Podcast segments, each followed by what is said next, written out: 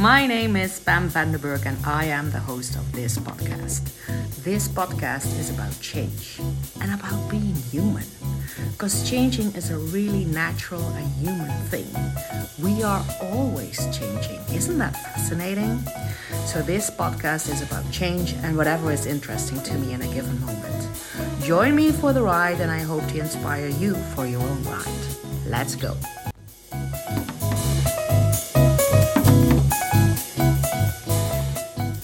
In this podcast, I want to talk to you about a concept around uh, distraction. I think we all know when we are distracted and and if you are you know from yourself if you are easily distracted or not i'm really easily distracted so i came um i found this concept or someone said it to me um, and I pl- I am still playing with it. I'm not an expert, not at all. I am playing with it, and since I've been playing with this concept around being distracted, I notice that there's a shift in me being distracted, being distracted, but that shifted to that now I recognize I'm doing distracting. How would you say that? I'm being distracted, now I'm doing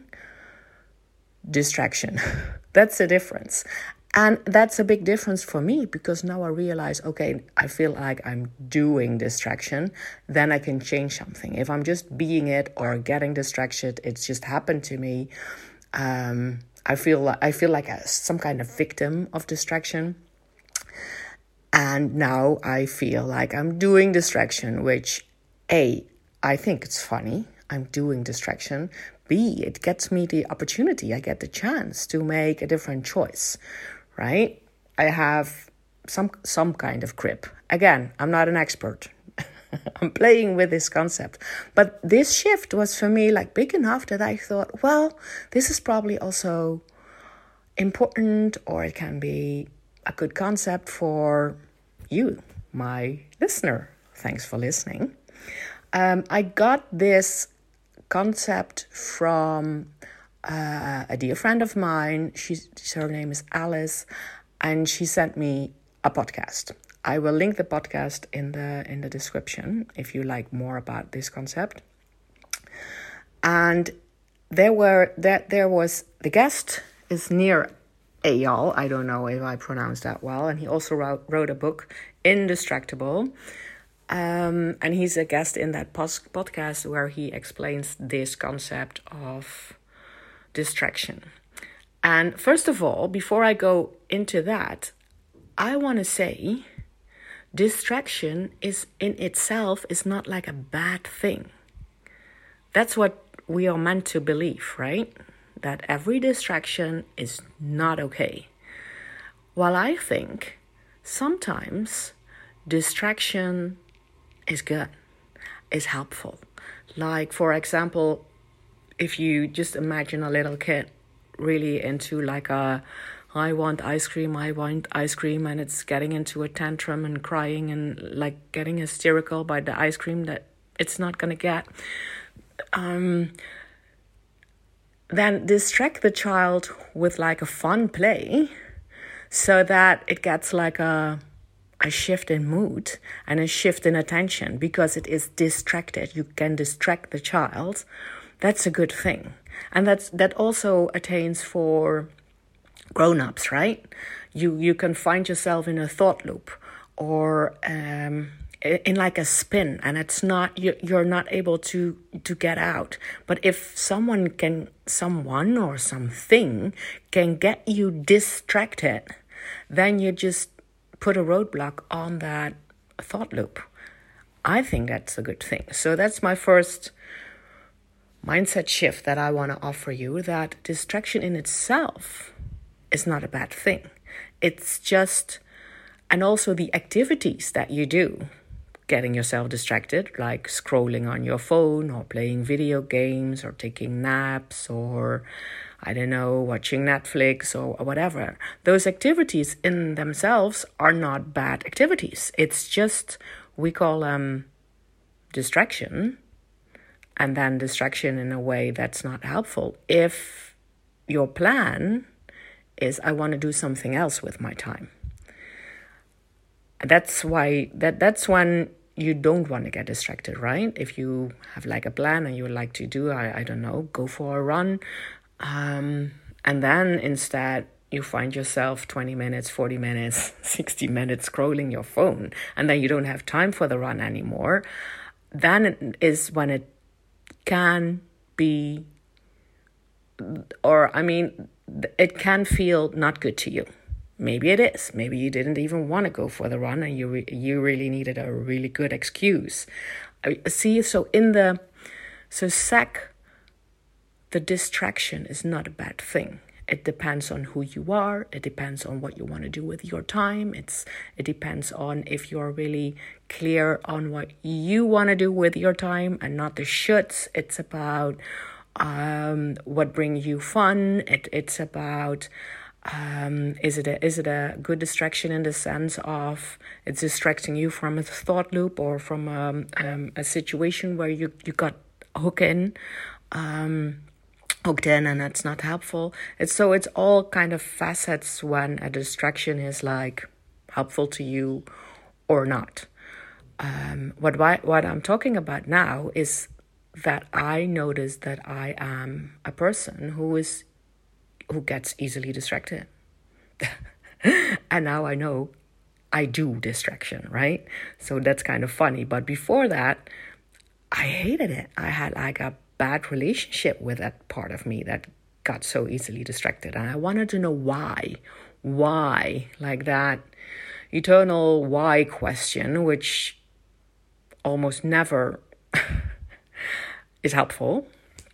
I think that the only why question is why is this important to me? But that's a side note. So, this concept, Ella sent me the podcast, and it's the concept is about that the opposite of distraction is not focus. That's what we are are used to think, right? That if I only get more focused, I could get more things done.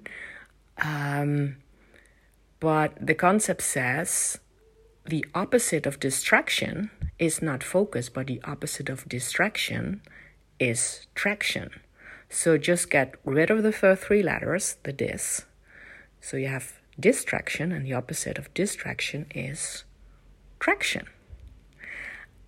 And then, furthermore, he explains that distractions are all activities, so it's action, distraction, all kind of activities what brings you further away from the person you want to be or the goal that you have or what you really want to do right? Not to should but want to do.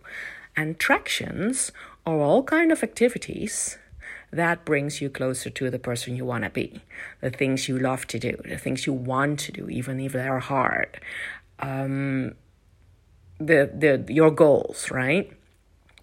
So that in itself can be the same act- activity like watching Netflix can be like a really good activity if you feel that you want that time for yourself. Everyone is out of the house.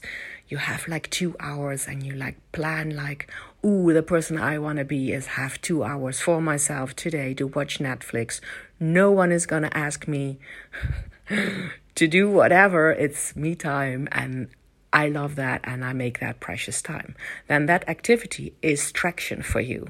That same activity can be distraction for you if that's not all at all what you wanted to do at that time.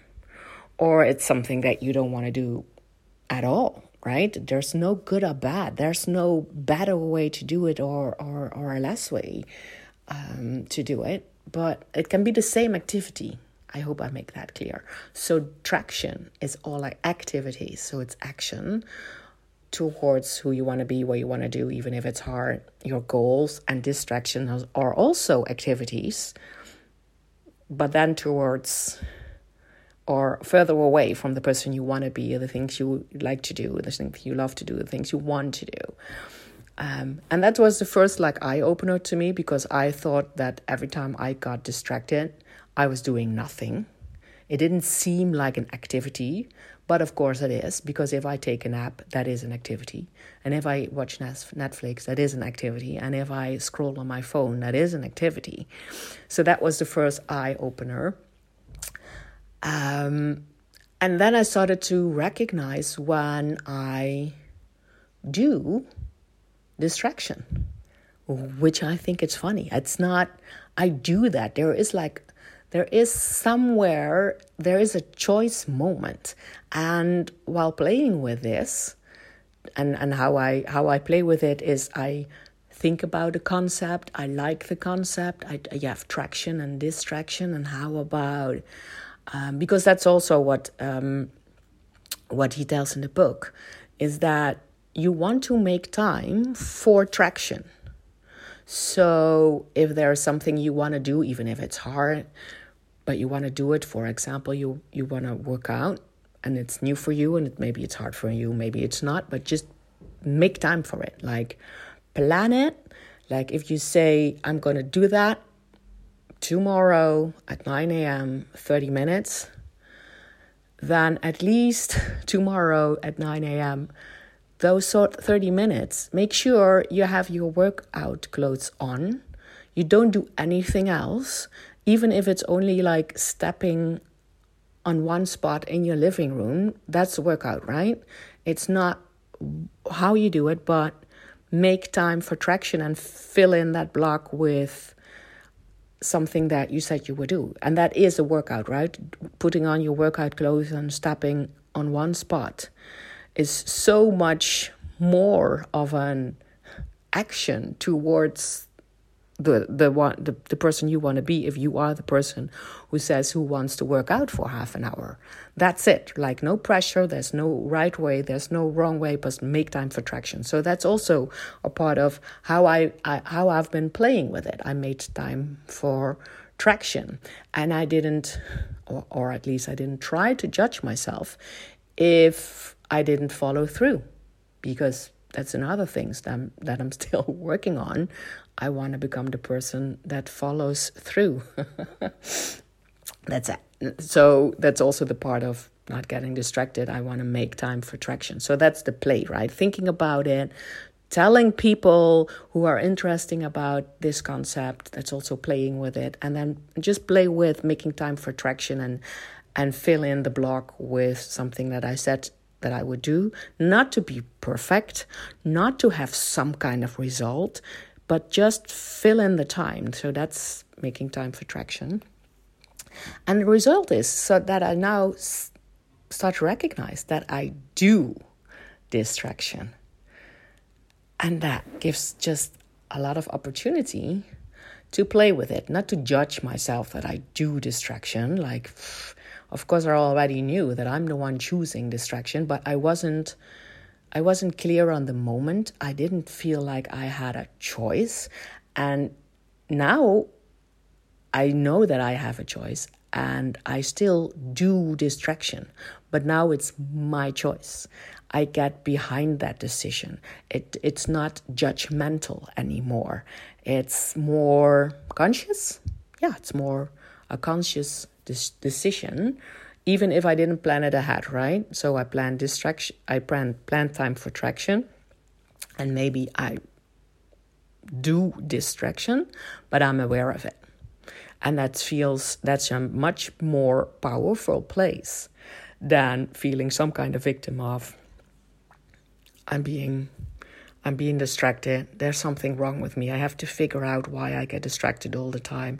Maybe the things that I want to do are not the things that I really want to do, or else I would not get distracted, right? Then you, you get in a, a loop of something is wrong with me because I get distracted. But what if you, I just offer you this, right? What if you start playing with, okay, so you have distraction and I have traction, and I can recognize the difference, and I can play with the concept and see what it brings me. So that's just that's it. That's what I I wanna I wanna share share with you, and I hope you that some of, of my listeners think, well, that's a nice concept. I never looked at it that way. Uh, I'm gonna play with it, And if it's not for you, just let it pass and have a great day. Have a great day.